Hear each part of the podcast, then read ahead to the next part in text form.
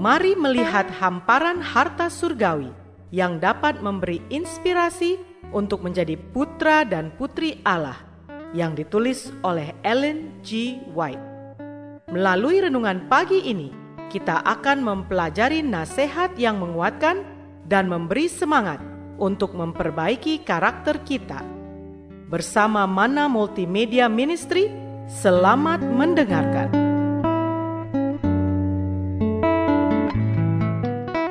Shalom, selamat pagi saudaraku. Renungan pagi kita hari ini, 12 Maret, berjudul Memusatkan Pikiran Kita pada Kristus. Bersama saya, Johannes Ruhupati. Ayat intinya diambil dari Efesus 4 ayat 23. Demikian firman Tuhan. Supaya kamu dibarui di dalam roh dan pikiranmu.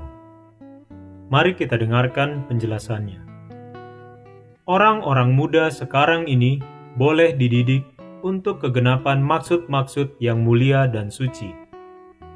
Merekalah murid-murid dalam sekolah Kristus, belajar dari hari ke hari segala pelajaran dari guru ilahi itu.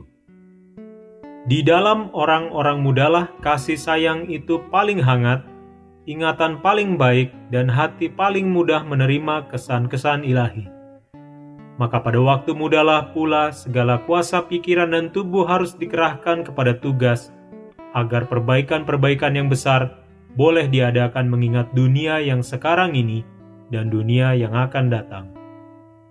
Banyak pengetahuan berharga yang bisa diperoleh orang-orang muda sungguh sukar diperkirakan.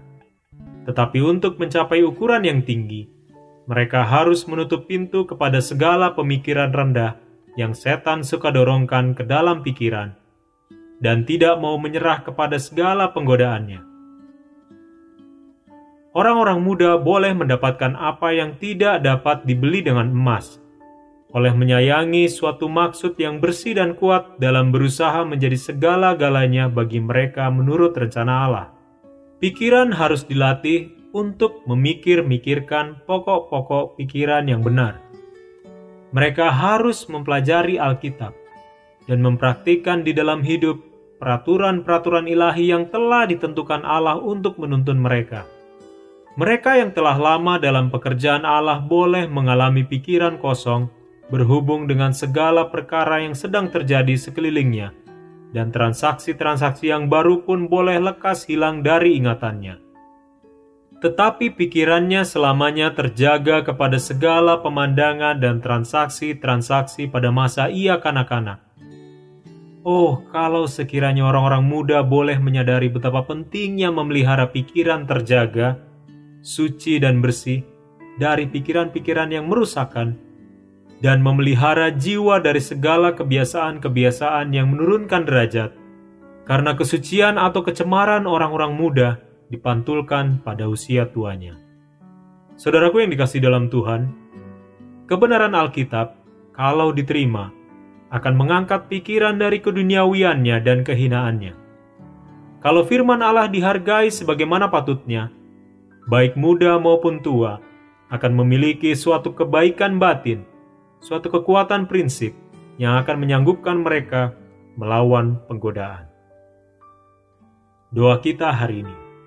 Terima kasih Bapa, karena sampai hari ini Engkau masih memimpin, menjaga, serta menyertai kami. Pagi hari ini pun kami semua boleh dibangunkan dengan berkat indah yang selalu kami nikmati. Dan kami boleh disegarkan oleh firman Tuhan yang telah kami dengarkan dan kami renungkan.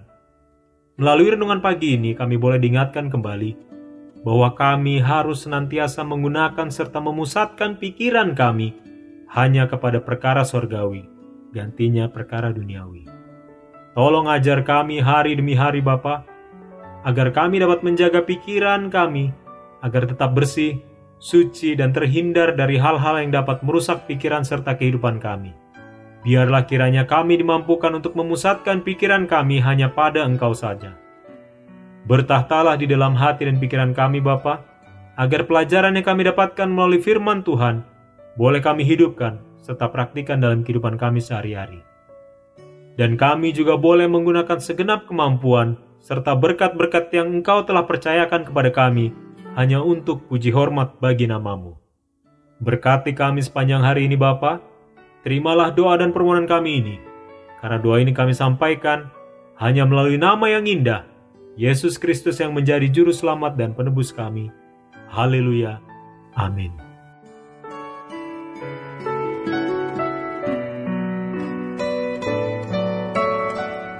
Demikianlah tadi pembahasan tentang menjadi putra dan putri Allah. Semoga firman Tuhan hari ini menjadi berkat bagi Anda. Sampai jumpa, Tuhan memberkati.